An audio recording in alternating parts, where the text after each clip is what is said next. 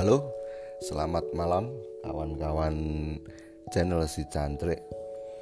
Untuk malam ini saya mau cerita-cerita khususnya untuk hari ini yang alhamdulillah saya ini bersyukur bisa menikmati social distancing seperti kawan-kawan yang lain. Karena memang dari hari Senin sampai hari Sabtu masuk kerja. Jadi hari Minggu ya bisa ada di rumah. Seperti kawan-kawan yang sedang melakukan work from home atau WFH dan social distancing tentunya. Tapi tetap aja sih ketika hari Minggu ketika waktu libur nggak ada yang namanya social distancing di, di terutama di desa-desa. Jadi malah uh, bahkan rata-rata di desa mana pun mengadakan kerja bakti penyemprotan uh, disinfektan lalu yang ada membuat segala peralatan yang bertujuan untuk preventif penyebaran COVID-19 ya enggak ya seperti biasalah yang kerja ke pasar juga masih kerja ke pasar walaupun memang secara intensitas sudah agak jarang atau tidak seperti yang biasanya. Yang bekerja di uh, kebun eh, kebun di di ladang atau di pertanian lah. Pekerja petani-petani juga masih biasa yang sedang uh, bekerja apa menjadi buruh juga masih bekerja seperti biasa. Nggak ada yang namanya social distancing. Nah eh, tapi menarik juga ketika dilihat dili, dilihatlah di media sosial memang efek dari social distance lalu ada work from home. Memang kegiatan aktivitas di uh, dunia nyata ini memang berkurang tapi di media sosial, di media di dunia maya malah tambah ini, tambah tambah rame. Berlipat-lipat tambah rame. Jadi ada yang nganggur di rumah, ada yang punya waktu leluasa di rumah, bikin semacam challenge, bikin tantangan-tantangan, screenshot ayam atau screenshot sapi. Lalu ada hashtag until tomorrow di Instagram ya banyak sekali eh, kegiatan-kegiatan saya kira ya untuk mengisi waktu luang daripada gabut ya. Gabut di rumah gabut di kos-kosan gabut di kontrakan nggak bisa keluar-keluar. Tapi memang di sisi lain mengenai penyebaran hoax itu juga masih kenceng masih kenceng banget. Saya lihat di di uh, beberapa media sosial lalu keributan mengenai ya macam-macam sih. Karena ada corona ketakutan di mana-mana. Lalu uh, banyak juga yang berbicara soal politisasi.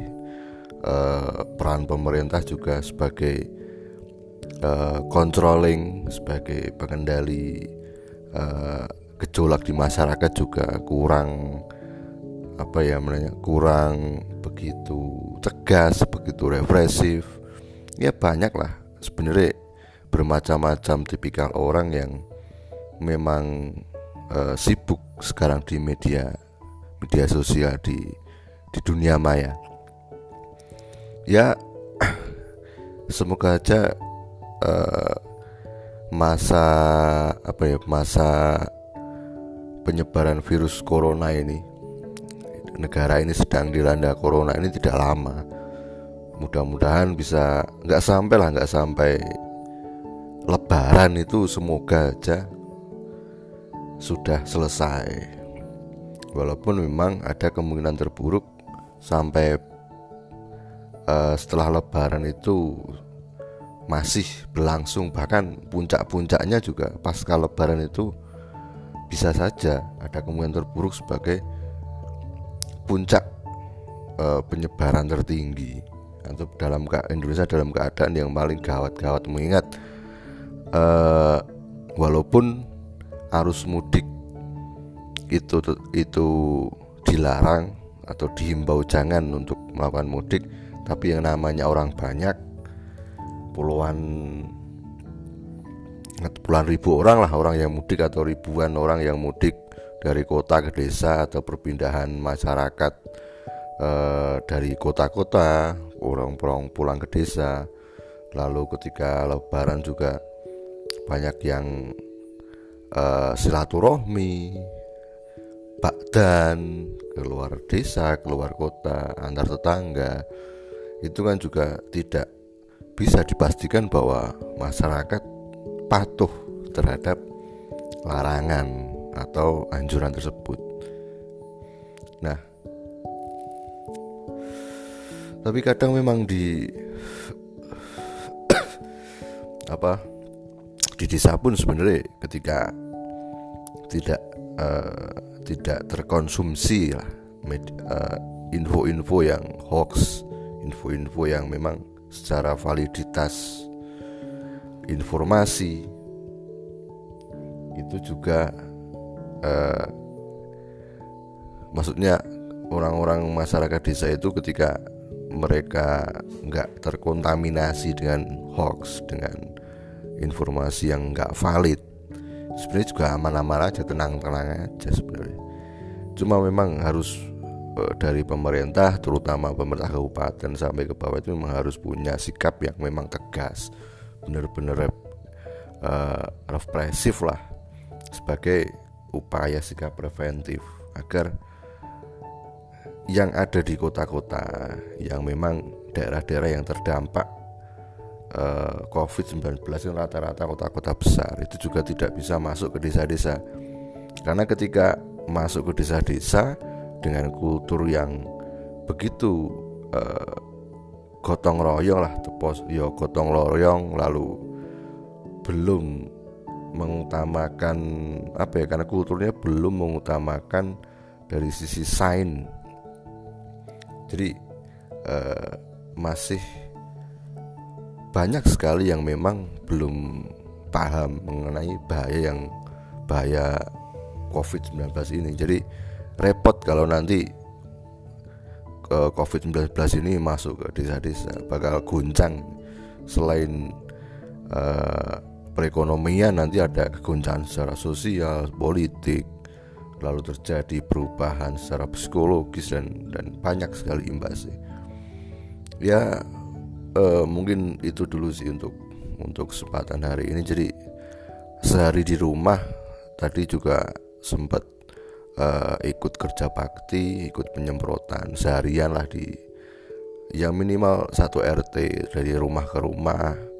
Penyemprotan dari di luar rumah di halaman sampai ke dalam-dalam ya kegiatan ini memang sedang marak di desa-desa. Ya bagus sih. Saya sangat uh, senang ada kesadaran di level bawah negara Indonesia ini di desa-desa. Tiap-tiap RT punya kesadaran sendiri.